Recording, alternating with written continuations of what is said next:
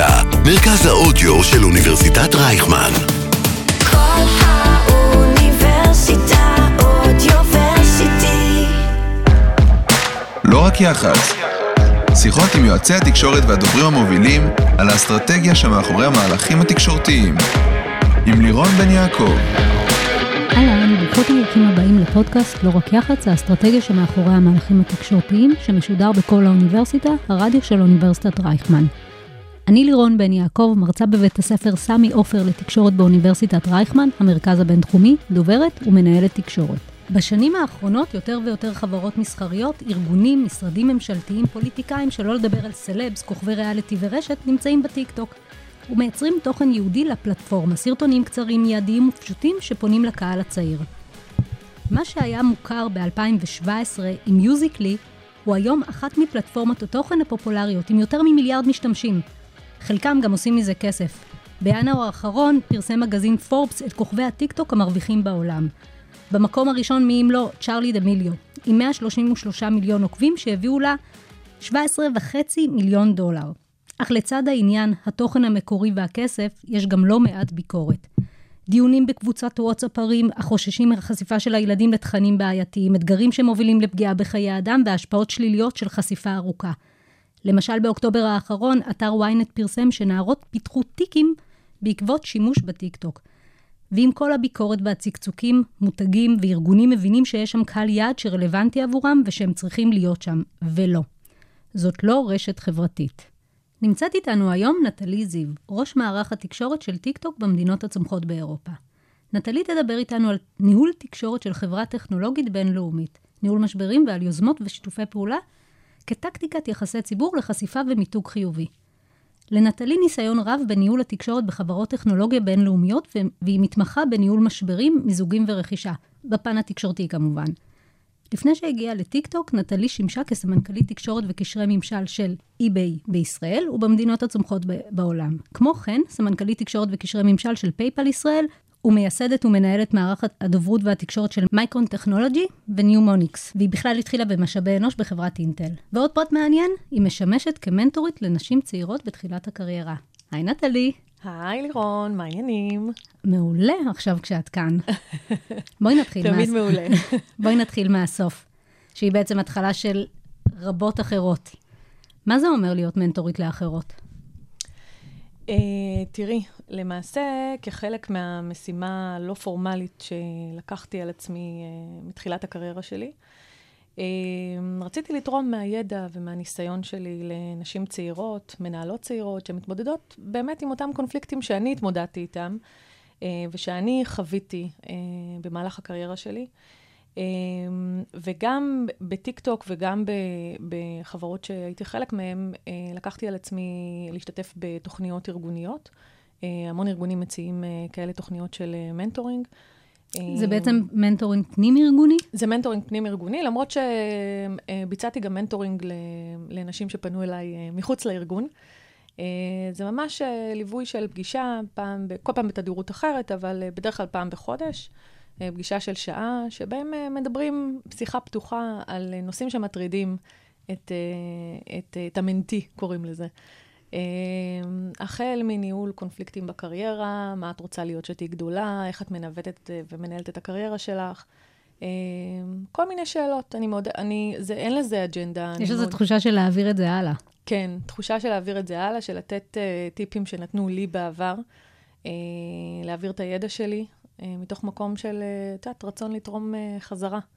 לנשים יותר קשה בעולמות הטכנולוגיה? לנשים קשה בעולם העבודה. אני לא יודעת אם בעולמות הטכנולוגיה או, או בעולמות, אה, אה, באופן כללי.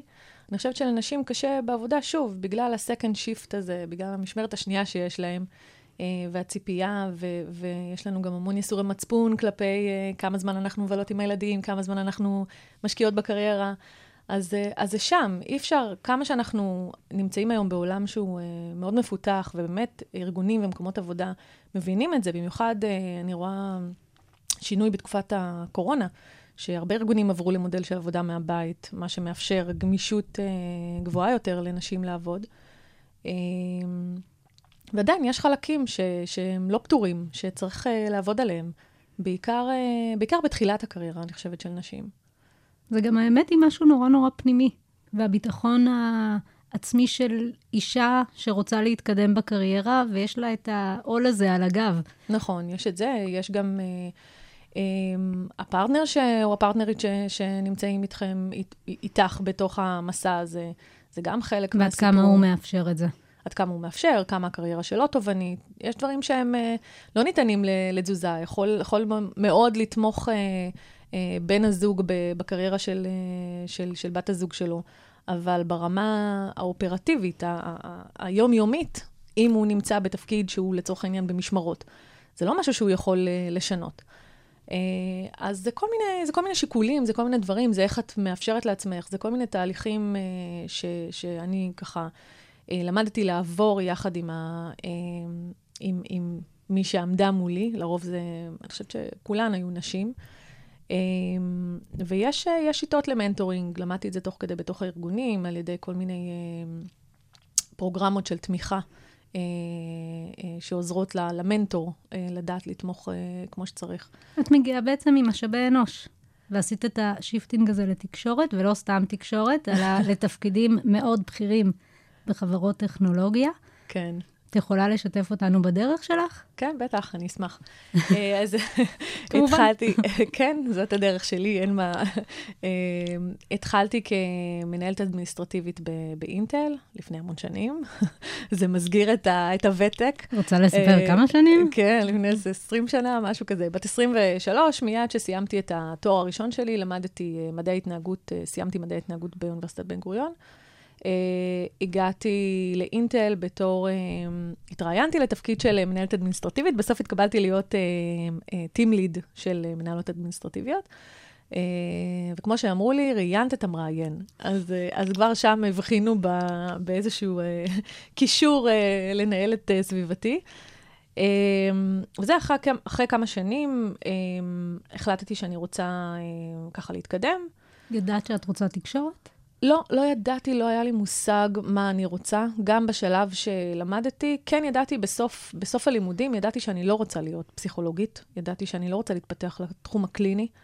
אמ, והחלטתי שאני הולכת על משהו שהוא קצת כולל יותר, כוללני יותר, נקרא לזה ככה. אמ, אה, ואז אה, אה, נקרא בדרכי ההזדמנות אה, להגיע למשאבי אנוש. אה, פניתי בשיא חוצפתי למנהלת משאבי אנוש דאז, אה, שהייתה VP משאבי אנוש אה, של אינטל אה, בקריית גת.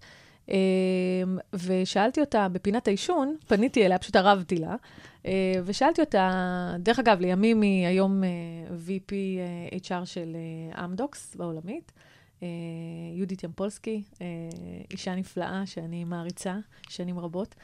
אה, שאלתי אותה מה אני יכולה לעשות על מנת להגיע אה, למחלקה שלה בצורה לא פורמלית, אה, בצורה חצופה.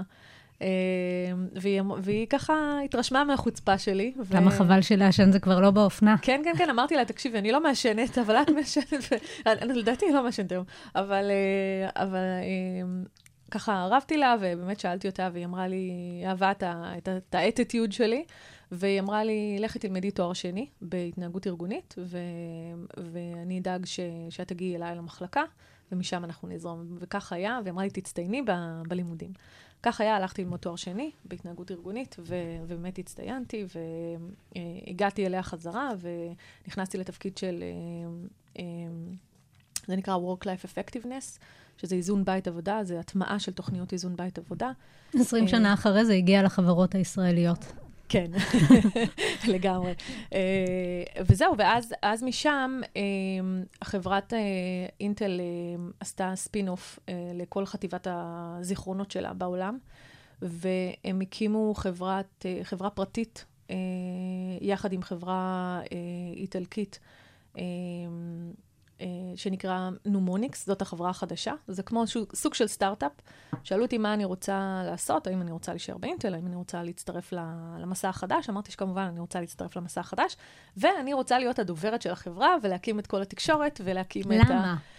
מה אה, הבנת לא, אז לא יודעת. שיש בתפקיד הזה? לא, הבנתי שא', אה, זה סוג של סטארט-אפ, וזה סוג של אה, מקום והזדמנות בשבילי, אה, א', להמציא את עצמי מחדש. ידעתי שאני אוהבת לעבוד עם אנשים. אה, וידעתי שיש לי אה, כישורי כתיבה, אה, והיה פה איזשהו ריק, איזשהו ואקום, לא היה תפקיד כזה. זאת אומרת, היה תפקיד כזה באינטל, שלא אני ביצעתי אותו, אבל ידעתי שיצטרכו תפקיד כזה בחברה החדשה. ו... וגם בשיא חוצפתי אמרתי, אני מוכנה, אבל אמרו לי, את לא, אבל אין לך שום שמץ של מושג. אמרתי, אני יודעת ללמוד. אני אלמד את התפקיד מצוין, ואני פשוט אעשה אותו. אה, וככה הלכתי, עשיתי קורס בתקשורת, ונתנו לי אה, mentoring גם, mentoring של, אה, לימים, מי שעשתה לי את ה mentoring האישי, שלימדה אותי ממש, A to Z, איך לכתוב הודעה לעיתונות הכי בסיסי שאפשר. לימים הפכה להיות האג'נסי שלנו, שליוותה אותנו. וזו הייתה? זאת הייתה שרית. אה, שרית, אה, אה, וואי. דור גלעדי. דור גלעדי, כן. לרגע, פתאום פרח לי השם משפחה אני שלה. מכירה אותה מחברת החשמל, כן. היא הייתה דוברת בחברת נכון. החשמל, שאותי היא קיבלה לעבודה בחברת החשמל. וואי, איזה עולם קטן. אני צריכה. לשמוע את זה. היא תשמע את זה. כן. אז זהו, אז שרית ליוותה אותי את כל התקופה הזו. אחרי שנתיים, החברה נמכרה לחברה טכנולוגית עולמית אחרת, שנקראת מייקרון טכנולוגי.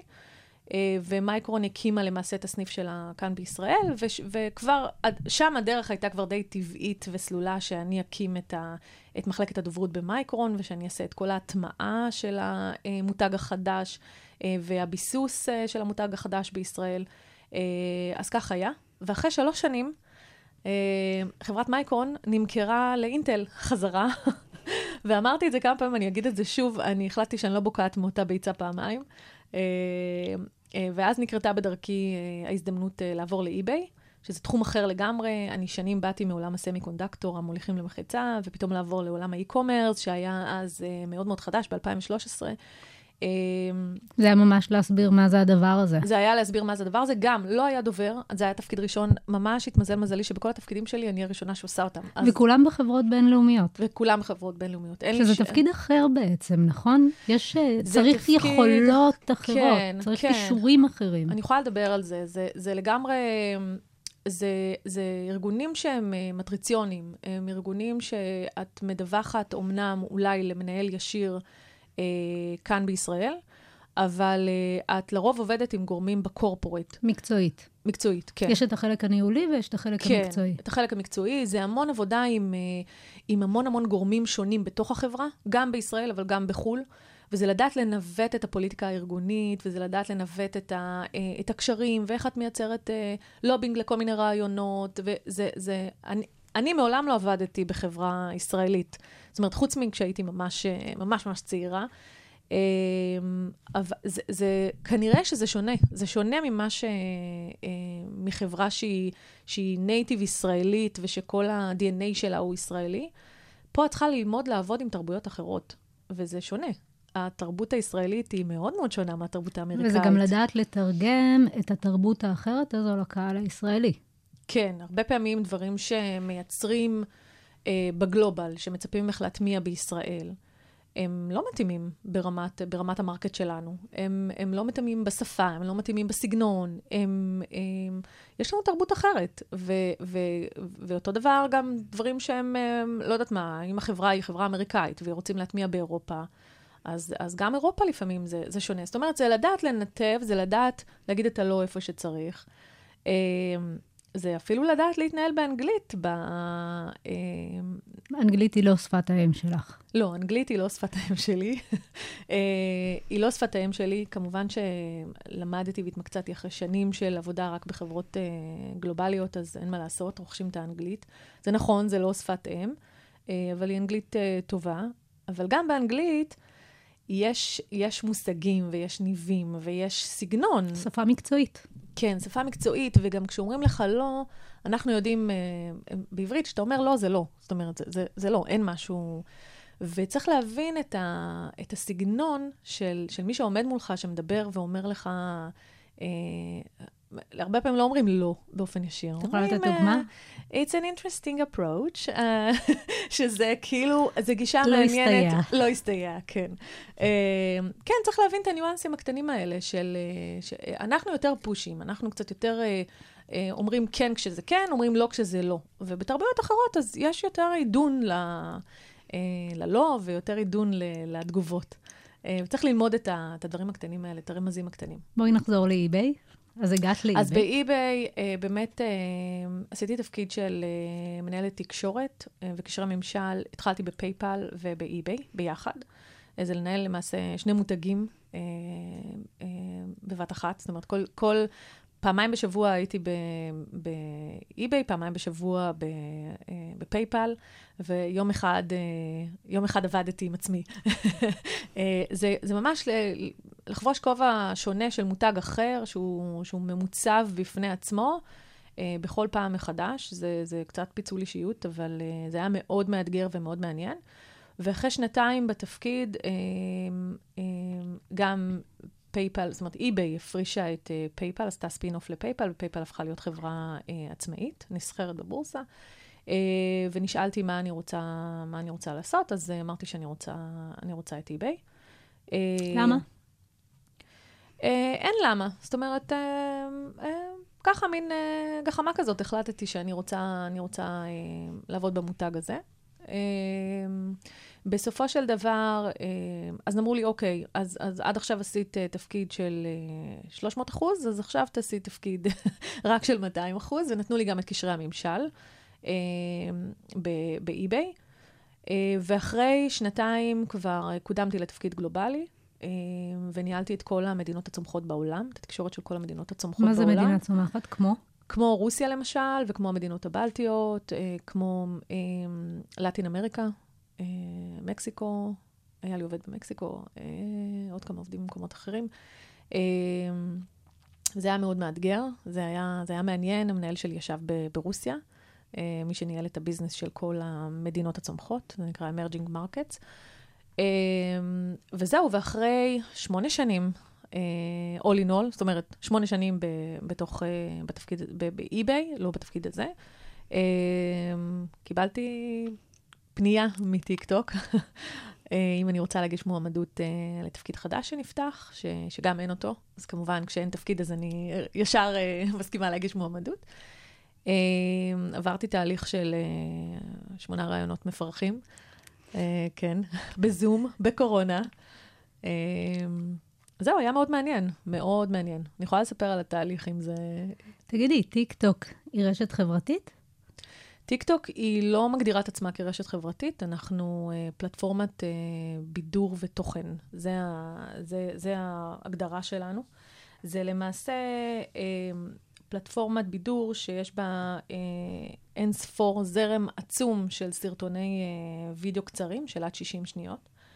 Um, זה תוכן יצירתי וכיפי שמותאם uh, באופן אישי ל, uh, למעשה למעל מיליארד משתמשים. אה, ברחבי העולם. היא לצורך העניין יותר דומה לנטפליקס ולספוטיפיי מאשר לפייסבוק. כן, כן, בגדול. בגדול את לא צריכה אה, לעקוב אחרי אנשים מסוימים, או שמישהו יעקוב אחרייך. אתם לומדים אותי. אנחנו לומדים אותך, האלגוריתם לומד אותך. למעשה, בחודש הראשון כשאת נכנסת, אה, כשאת פותחת חשבון בטיקטוק, ואגב, אה, מותר לפתוח חשבון בטיקטוק לבני 13 ומעלה. אה, אז ברגע שאת פותחת חשבון, אז כולם משקרים? אנשים רושמים, אה, מזייפים את הגיל שלהם האמיתי, ואני קוראת אה, מפה להורים לבדוק אם הילדים שלהם מתחת לגיל 13. אה, בסוף נחסמים, וזאת הבעיה, כי הם נחסמים ואז הם פונים אה, בבכי מרורים, חסמו לי את הטיקטוק, הבת שלי בת שמונה, בת עשר, היא לא צריכה להיות בטיקטוק. אז אה, אה, ברגע, בחודש הראשון, אני חוזרת רגע לנקודה של, אה, של האלגוריתם שלומד אותך, אז בחודש הראשון כשאת אה, פותחת חשבון, אה, האלגוריתם מזרים אלייך כל מיני סרטונים, ובודק את, ה, את העדפות שלך, את האינטראקציה שלך עם התוכן. איפה אני מתעכבת? איפה איפה אני את מדלגת? מתעכבת, מה את צופה, באיזה סרטון את צופה עד הסוף, מה את מעבירה ב swipe up אה, אה, אה, למעלה, אה, עם מה יש לך אינטראקציה שהיא יותר חזקה, שזה לייק ושיתוף ו comment, אה, ואז הוא ממשיך, ממש ממשיך להזרים אלייך אה, אה, תוכן בהתאם לאותן העדפות שלך. ולמעשה, האפליקציה היא אפליקציה, החוויה היא חוויה של גילוי. כל הזמן את מגלה תוכן חדש אה, מרחבי העולם. אה, זה, זה, זה, זה החלק הכי, הכי מדהים, וזה באמת הזדמנות להיחשף ל, לקהלים חדשים, לאנשים חדשים, לתרבויות חדשות. אה, עכשיו, את מדברת על תוכן. מקורי, את מדברת על תוכן רק תוכן מקורי, מקורי. רק של תוכן מקורי. אנשים פרטיים. כן, אבל אנשים גם ח- פרטיים. אבל גם חברות וארגונים כבר שם, רוצות להיכנס כן, לשם. כן. איך זה, איך הם יכולות לעשות את זה בצורה הטבעית ביותר? תראי, בשביל מותגים, זה מדובר בהזדמנות, אה, בהזדמנות מדהימה.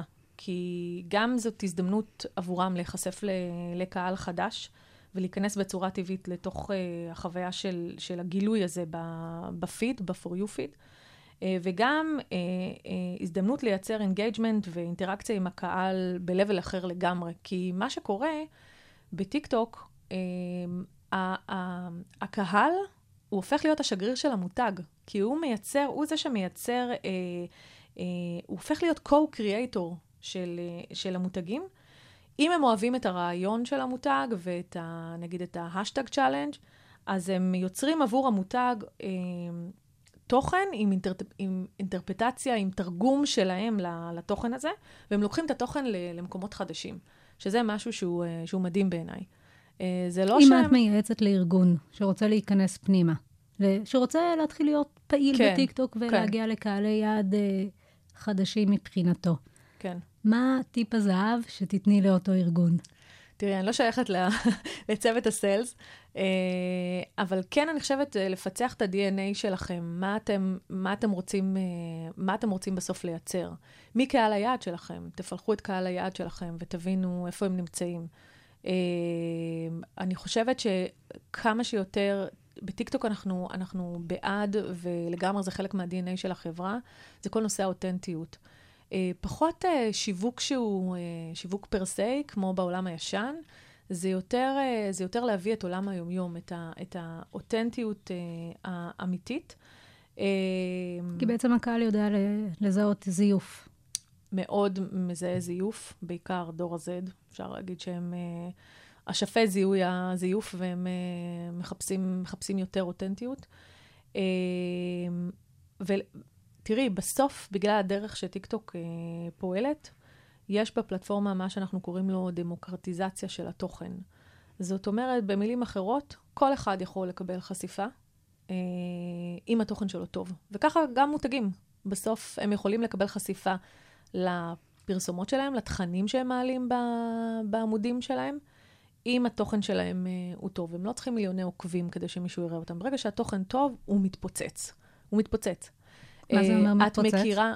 מה זה אומר? שאלה מצוינת, כי יש לי דוגמה, כי בדיוק באתי לספר על דוגמה. מדהים, הרמתי, כן. כן. את מכירה את, אה, את מכירה את אושן ספרי? כן, בטח. כן, זה, זה, זה מותג, אה, מותג אמריקאי, אני חושבת, של, אה, של אה, מוצר של אה, שתייה ממותקת. אה, ואיזשהו בחור, אה, ככה מהפרברים בארצות הברית, יום אחד ה... אה, הטרק, לא טרקטור, הטרק שלו, המשאית שלו, מכונית שלו, נקרא לזה ככה, אה, פשוט התקלקל בדרך לעבודה. ומה שהוא עשה, הוא, אה, הוא לקח את האושן ספרי שהיה לו, את הבקבוק אה, של מיץ חמוציות, אה, וכולנו כולנו מכירים את מיץ החמוציות בהקשרים אחרים. אה, נשים בעיקר. ולא, ולא נגיד איזה. כן. אז uh, הוא לקח את מיץ החמוציות ושם uh, שיר uh, נוסטלגי ישן, uh, uh, ו- ופשוט לקח את הסקייטבורד שלו, ו- וצילם סרטון טיקטוק עם האושן ספרי ביד והסקייטבורד שלו, ואמר, "אה, התקלקל לי, ה- התקלקל לי הרכב, ומה שנותר לי לעשות זה רק uh, לנסוע לעבודה עם... Uh, הסרטון הזה התפוצץ, הגיע למיליונים של צפיות. אם אני לא טועה, 32 מיליון צפיות, אם אני לא טועה. Um, עשו כל כך הרבה ריפיטים על, ה, על, ה, על הסרטון הזה. חברת Ocean Spray, ראו את זה, שלחו לו um, טראק חדש, מלא באושן ספרי, מדהים. והזמר עצמו של השיר, פלינטווד מק, אם אני לא טועה, uh, הוא עצמו, אז כי השיר עצמו התפוצץ. Fleetwood Mac. Fleetwood Mac, נכון, טעיתי. אה, הוא עצמו אה, יצר אה, רימייק של, ה, של הסרטון הזה, וזה פשוט הפך להיות, עכשיו, שתביני, הבחור מדהים. הזה היה אנונימי, אף אחד לא הכיר אותו, היו לו כמה סרטונים, לא, את יודעת, לא איזה סלב, לא שום דבר. הוא הפך להיות סלב, מיליונר. קנה בית בעקבות הדבר הזה, מתראיין בכל מקום אפשרי, והיום הוא יוצר, הוא יוצר הזה? המון תוכן. מה, מה היה בסרטון כלום, הזה? היה משהו אותנטי. היה משהו מאוד מאוד אותנטי של התקלקל לי הרכב, משהו שקורה לכל אחד בעולם הזה, ומה שנותר לי לעשות זה פשוט... אה, וזה יצר את החיבור. וזה יצר את החיבור, את ה, את ה, גם החיבור עם השיר כנראה, וזה מין, מין, נו- נותר לי רק לשתות את, ה, את האושן ספריי ו- וללכת לעבודה. והיו לו מין מבטים כאלה של חיוך כזה, של אוקיי, משלים עם, ה, עם הסיטואציה. אמ, זה, זה, אז- זה זה. אז למה טיקטוק צריכה מנהלת תקשורת? נראה שהתוכן מייצר את, ה, את החשיפה. כן, נכון. אז התוכן למה? מייצר את- את החשיפה. אני חושבת שכל חברה, אה, זה מצחיק שאני אומרת את זה, אבל כאילו אני קצת אה, מוטה, כן? זה התפקיד שלי כבר שנים.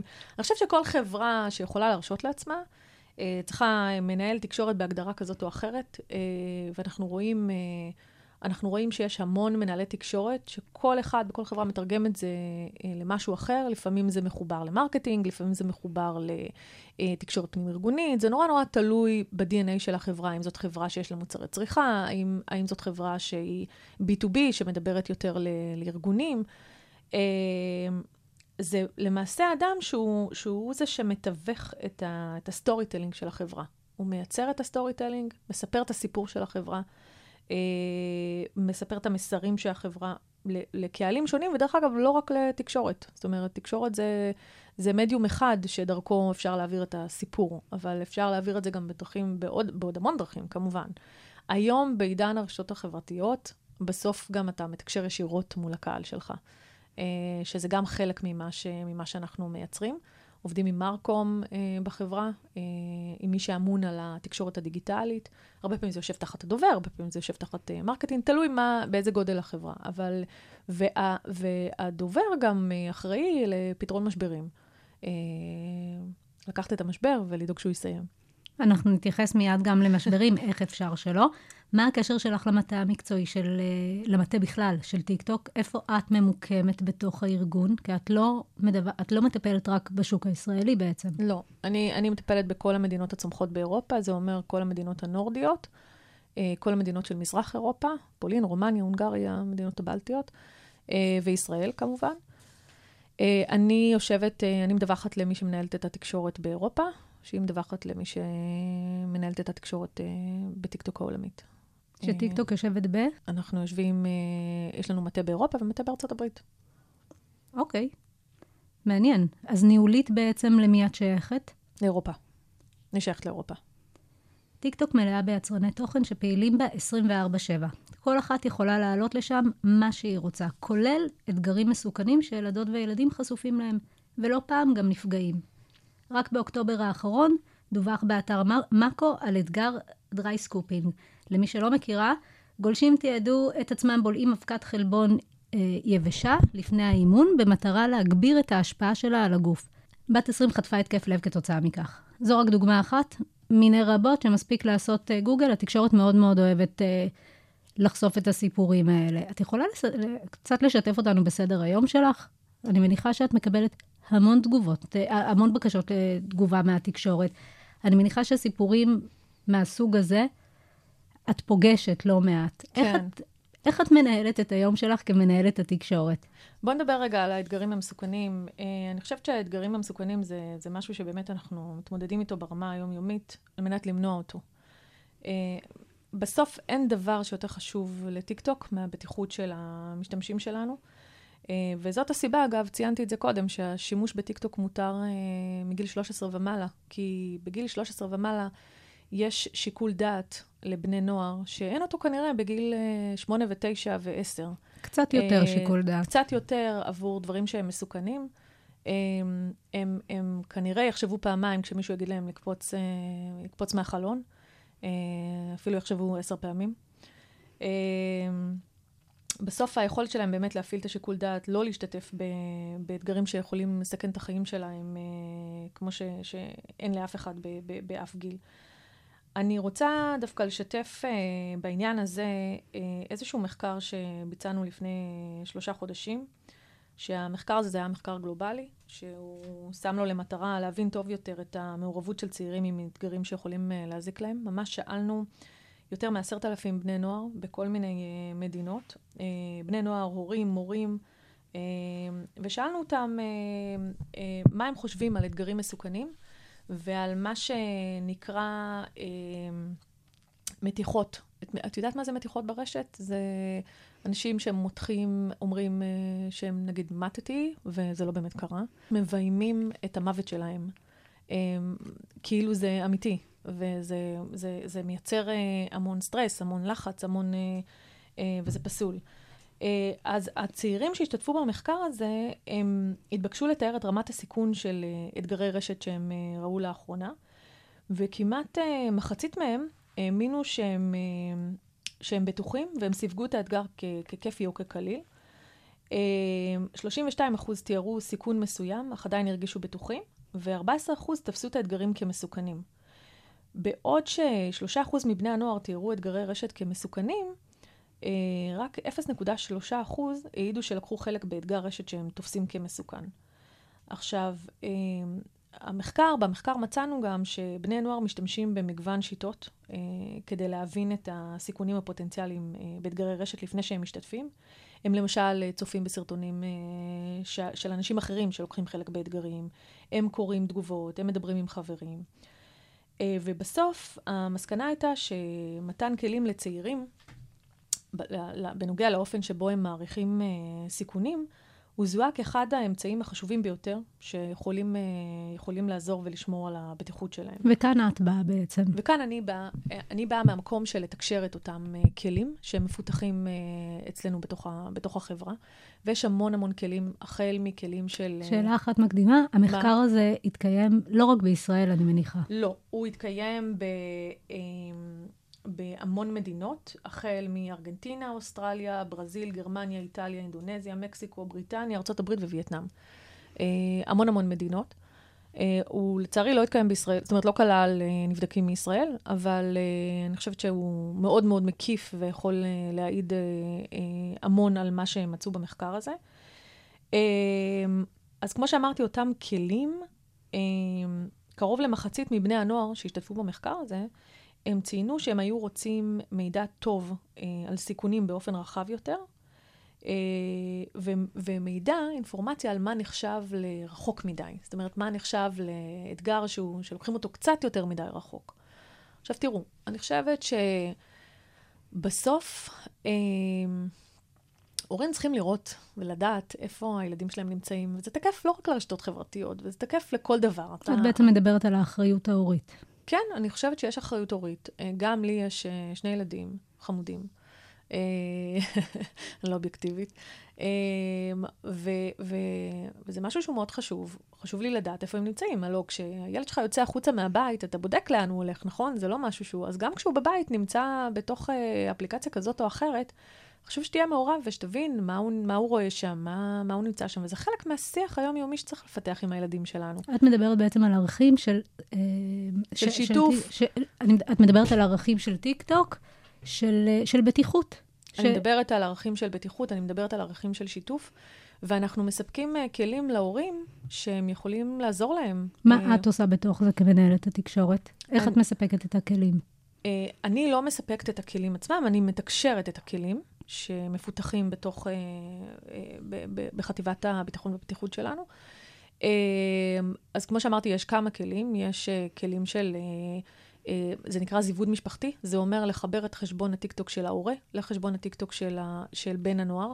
אנחנו ממליצים לעשות את זה לגילאים היותר צעירים, מ-13 עד 16. Uh, כשיש כמובן כל מיני חוקים או דיפולט, ברירות מחדל, שכשבן נוער מתחת לגיל 16, זאת אומרת בין 13 ל-16 פותח חשבון, אז באופן אוטומטי החשבון שלו מוגדר כפרטי. זאת אומרת שאנשים אחרים חיצוניים לא יכולים, אם הוא לא מאשר, לא יכולים לראות את, ה, את כל התוכן שהוא מייצר, לא יכולים להגיב לו, לא יכולים, באופן כללי, אי אפשר לכתוב uh, איך direct את. מתקשרת את זה?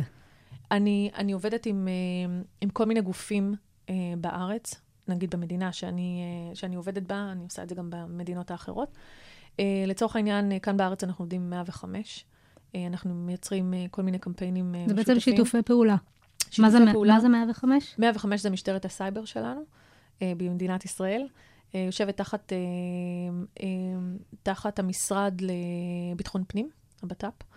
אה, ואנחנו עובדים איתם באופן ישיר. שנה שעברה עשינו איתם, אה, אה, לכבוד אה, יום האינטרנט הבינלאומי, עשינו איתם אה, אה, סוג של משדר מיוחד של שלוש שעות יחד עם קשת 12, שבו באמת הסתכלנו לאתגרים בעיניים, וישבנו מול, אה, עם פסיכולוגים, ישבנו עם מומחי תוכן בתחום הזה, אה, ופשוט שוחחנו על הדברים ודיברנו את הדברים. יש אתגרים, תקשיבי, אנחנו לא, אנחנו לא מושלמים, אנחנו גם לא מתיימרים להיות מושלמים. אנחנו יודעים שיש לנו המון uh, להשתפר, ואנחנו עושים הכל כדי להשתפר, כל יום.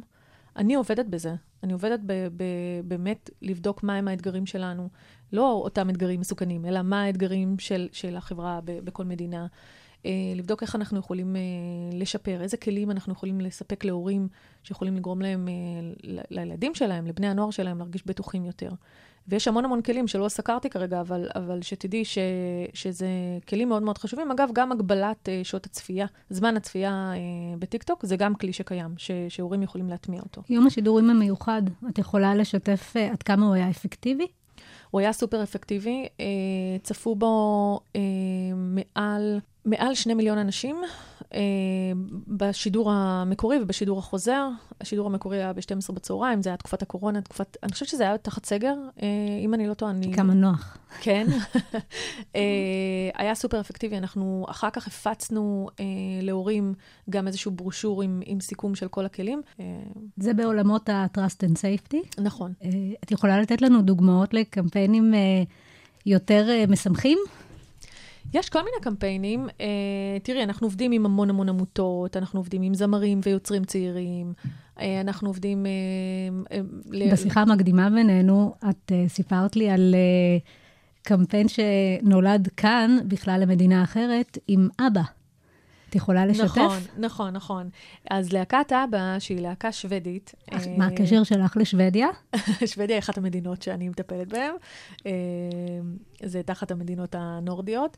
אה, אז אה, אבא השיקה למעשה אחרי המון המון שנים שהם לא הוציאו אלבום, הם החליטו להשיק את, ה, את האלבום הבכורה שלהם אחרי, בחזרה ל, ל, למוזיקה. אה, הם השיקו אותו לראשונה בטיקטוק. והם פתחו חשבון, והם הטמיעו את כל השירים... הם ה- לא היוצרים הראשונים שמשיקים בטיקטוק, נכון? לא, לא. מי יש- עוד? מי יש- עוד? את יכולה, זוכרת? אני לא זוכרת אה, מי עוד יוצרים אה, ככה רשימה, אבל, אבל המון המון מוזיקה, תקשיבי, טיקטוק מכתיבה את, אה, את כל הדירוגי מוזיקה העולמיים. אלה אז, החלקים שאני מאוד אוהבת בטיקטוק. בת ה-11 מגיעה עם אה, מוזיקה איכותית ולא עומר אדם. אה, נכון, בת 13. כמובן, כן, סליחה. כן. אה, אז, אז אה, אני, אני אומרת אה, ש, שיש למעשה, כל המוזיקה האפשרית אה, אה, מוטמעת ומושקת בטיקטוק. אז למעשה בטיקטוק, אה, כמו שאת רואה, כמו שאת יודעת, אה, המון אה, אה, להיטים נולדים ומקבלים חידושים והופכים להיות אה, להיטים עולמיים אה, בטיקטוק, ואבא בחרו באמת להשיק את האלבום החדש שלהם אה, בטיקטוק. מה שעשינו, עשינו, אה, אנחנו קוראים לזה PR Activation, אה, לקחנו תחפושת של להקת אבא, שמיועדת גם לגברים וגם לנשים. ושלחנו אותם ליוצרים אה, מקומיים, מפורסמים, ולעיתונאים, וביקשנו מהם שיעלו אה, לצלילי אה, שירי אבא, שיעלו סרטונים של טיקטוק, וזה התפוצץ בצורה מטורפת, והתקשורת אה, סיקרה את זה, את אותם אה, יוצרים, אותם קריאייטורים. זה בעצם היה רק בשוודיה, או שזה הגיע בכלל לתקשורת העולמית? לא, זה הגיע לתקשורת העולמית, זה באירופה, אה, אבל זה יצא משוודיה, וזה היה ככה, זה היה, זה היה להיט. בשיחה המקדימה התייחסת לאופן שבו את עובדת מול העיתונאים. דיברנו קצת על newsroom. את רוצה להתייחס לזה? כן. newsroom um, זה פרקטיקה שהיא, um, שהיא מקובלת uh, בארצות הברית ובאירופה, שלכל חברה יש uh, את ה newsroom שלה. Uh, מה זה? זה אתר, זה, זה אתר חדש, זאת אומרת אתר חדשות, וב site של החברה, שבה החברה uh, משתפת את כל החדשות שלה. Uh, ולמעשה, למעשה החברה שם מפרסמת מה שאנחנו קוראים לו blog post. ועיתונאים מבצעים סוג של מנוי או הרשמה לתוך, ה- לתוך ה newsroom, והם מקבלים את, את ה news, את החדשות של החברה, דרך אותם blog post. זאת אומרת, כל האינפורמציה היא, היא public, אה, זה ו- העניין גוגל דרייב של החברה. זה לא גוגל דרייב, זה אתר שבה החברה מפרסמת את כל ההודעות לעיתונות שלה. עיתונאי צריך להיכנס לשם באופן יזום כדי בדרך כלל לדעת מה קורה? עושים, הם עושים, אה, הם עושים מנוי. ואז הם מקבלים אז הם מקבלים notification. notification, כן, נגיד לאימייל. אבל, אה, אבל כן, הם יכולים להיכנס ל newsroom באופן... אה, זה, זה יותר שיטה של, אה, של pull מאשר push. אנחנו כאן עובדים עם הודעות לעיתונות, עם press releases, נכון? ואנחנו שולחים, כדוברים, אנחנו שולחים ב push לעיתונאים, ואחר כך עושים follow-up. ושואלים אותם, ראית את הזה? או שאנחנו שולחים לריכוז כתבים, נכון? ושואלים, ראיתם את ההודעה לעיתונות? הם מקבלים מאות הודעות לעיתונות והם צריכים לברור את ה... פה זה, זה ממש הם מקבלים notification, uh, גם לטיקטוק ישראל יש newsroom בעברית. Uh, עד כמה משתמשים בזה הכתבים בארץ? uh, אני לא חושבת שהם משתמשים בזה יותר מדי, אנחנו עדיין מוציאים הודעות לעיתונות במקביל, למה הם לא משתמשים בזה? כי אני חושבת שהם רגילים, זאת השיטה, הם רגילים. Uh, לרוב החברות אין את הניוזרום. Uh, אני חושבת שרוב החברות, רוב הדוברים עובדים עדיין בשיטה המסורתית של לכתוב הודעה לעיתונות, בפורמט של הודעה לעיתונות, עם uh, ראשית ומשנה, ו... uh, שם פשוט יש הכל, כולל לינקים שצריך, אם, אם יש לינקים שצריך לפרסם. ואז עושים פיץ'. עכשיו, אחרי שאתה מפרסם את, הניוזרום, עכשיו הכל עולה באותה שעה. זאת אומרת, הניוזרום של, אם זו הודעה גלובלית, אז, אז כל הניוזרומים אה, עולים באותה, הבלוג פוסטים עולים באותה שעה, זאת אומרת, אה, אלא אם כן אתה נותן תחת אמברגו אה, איזושהי הודעה, ואז אתה צריך לעשות פיץ'. עכשיו, לפעמים עדיין משתמשים ב, בשיטות של אה, אה, לתת ראשוניות, לתת בלעדיות, אה, לעשות פיץ' ל, להודעות מסוימות, לתת אמברגו להודעות מסוימות, זאת אומרת, זה, זה עדיין קיים, זה לא, לא ממש מהעולם. דיברנו על הודעה לעיתונות, אבל את למעשה מנהלת תקשורת של פלטפ... פלטפורמת תוכן אה, גולשים דיגיטלית. את חיה באינטרנט. מבחינתך, הפרינט הוא עדיין גורם רלוונטי ובר השפעה? כן, אני חושבת שהפרינט אה, הוא לח... לחלוטין עדיין אה, רלוונטי. יש לו את היוקרה שלו, ואני תמיד שואפת, אה, אה, בתוך יוזמות שהן פרואקטיביות שלי, אה, אני תמיד שואפת להגיע לפרינט, אה, בכל, אה, באמת בכל יוזמה תקשורתית שלי. למה? בעיניי, הפרינט עוד לא מת. אני חושבת שיש לו את קהל הקוראים שלו, הוא יותר יוקרתי, הוא גם מתומחר ב, אה, ב, בהערכות שווי מדיה, הוא מתומחר גבוה יותר. אה, אני לא חושבת שהצעירים, הילדים שלי יודעים בכלל איך נראה עיתון, הם יודעים איך נראית אפליקציית news. אה, תראי, בגדול, אני, נכון שאנחנו חיים בעולם, ה, בעולם האונליין, ויותר קל לי... Uh, בתוכן שאני מפרסמת, יותר קל לי לעבוד uh, באתרי news שהם, שהם אונליינים, כי אני מטמיעה שם גם uh, לינקים לסרטונים, או הפניות למשהו, או אקטיבציה מסוימת. אז זה, זה, זה קליקבילי, כן? קשה לי לשים סרטון ב, בעיתון. אני חושבת שהנושאים שאותם אני מכוונת לעיתונות הכתובה, הם נושאים יותר כלליים. הם, נוש... הם סיפור שהוא יותר uh, כללי ולא ספציפי עם... Uh, עם uh, סרטון, עם הפנייה לסרטון. את יכולה לתת דוגמה? Uh, יותר uh, תופעה. Uh, אין לי דוגמה כרגע, אבל, uh, אבל אנחנו עובדים גם וגם. אני לא שואלת, תראי, אנחנו בסוף, אני מוציאה, כשאני מוציאה הודעה לעיתונות, אז uh, כמובן כל יוזמה, יש לה את האסטרטגיה התקשורת שלה, היא נכתבת מראש. יכולה לדבר איתנו על יום השואה הבינלאומי? יום השואה הבינלאומי, אנחנו שיתפנו פעולה עם צוות התוכן שלנו. ויצרנו כמה יוזמות. יוזמה אחת הייתה משדר מיוחד לייב, יחד עם הבימה, uh, עם תיאטרון הבימה, וסיפרנו, uh, הם, הם הכיזו uh, כמה הצגות, עשו קטעים של כמה הצגות שקשורות לזיכרון קולקטיבי, ואת הדבר הזה כמובן הוצאתי בהודעה לעיתונות. עכשיו, כמובן שאת יודעת, יוזמות מהסוג הזה, אז הן יכולות לעלות גם בעיתונות הכתובה וגם בעיתונות הדיגיטלית. אה, אין פה איזושהי הגבלה, אני לא מגבילה. יש לך משרד שמלווה אותך? כן, יש לי משרד יחסי ציבור בכל מדינה ש... שאני אחראית עליה. ויש לך צוות בתוך הארגון גם שעובד איתך? כן, יש לי עובדים בארגון. אה, אה, יש לי עובדים שמדווחים אליי במדינות שאני עובדת איתן. רגע לפני שאנחנו מסיימות, אני לא יכולה שלא להתייחס לנושא ניהול המשברים. דיברנו על האתגרים הבעייתיים, דיברנו על איך הארגון כארגון מתייחס כחלק מ-Trust and Safety אה, והערכים הפנימיים של טיק טוק. איך את כמנהלת התקשורת של טיק טוק מתמודדת עם אה, משברים תקשורתיים? Uh, מתמודדת איתם uh, ביד חזקה ובזרוע נטויה. Uh, כשעיתונאי פונה אלייך עם שאילתה, שאילתות, אני כן. מניחה שהיום שלך אה, בנוי מ... היום שלי בנוי מ, גם, גם מדברים מתוכננים, כמובן, פרואקטיביים, שאנחנו מייצרים. כמובן שהשאיפה שלי תמיד אה, להוריד את ה... אה, לשנות את הבלנס בין דברים פרואקטיביים ל, לתגובות, שכמובן להגביר את הפרואקטיבי, שהוא, שהוא לרוב חיובי, מן הסתם. אה, כשעיתונאי פונה אליי עם שאילתה, בראש ובראשונה אני צריכה להבין אה, מה זה הדבר הזה שהוא שואל עליו. אז uh, אם הוא שואל על וידאו ספציפי, על תופעה ספציפית, על אתגר מסוים, אז אני פותחת ב... יש לנו דרך שבה אנחנו מתחקרים uh, פנימית את, ה, את הנושאים. אני עובדת עם גופים uh, cross-functional teams, איך קוראים להם, uh, כדי לתחקר את, ה, את הנושא הזה, כדי לבדוק אותו. אני בסוף צריכה לבדוק את העובדות uh, ולבוא עם תגובה. Uh, אני בודקת עם הקולגות שלי ברחבי העולם, אה, זאת אומרת, יש לנו סוג של ריפוזיטורי כזה.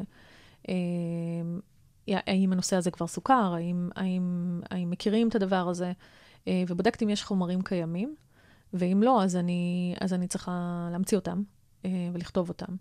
אז זה המון המון כתיבה, זה המון קריאה מאוד מהירה. בדרך כלל הדדליינים שלנו הם מאוד קצרים, כמו שאת מכירה. אני תמיד, זה הדבר הראשון שאני שואלת את העיתונאי, מה הדדליין? אוקיי, למתי אתה רוצה לכתוב את הכתבה? כדי להבין כמה זמן עומד, יש כמה לך. זמן יש לי, ואז אני צריכה לנהל את סדרי העדיפויות. וצריך לזכור שאת בחברה בינלאומית, זאת אומרת שהזמן שיש לך זה האם הם כרגע ערים בכלל, כן, למרות שיש לנו תמיכה שנקראת follow the sun, כאילו אם לא... שזה 24/7.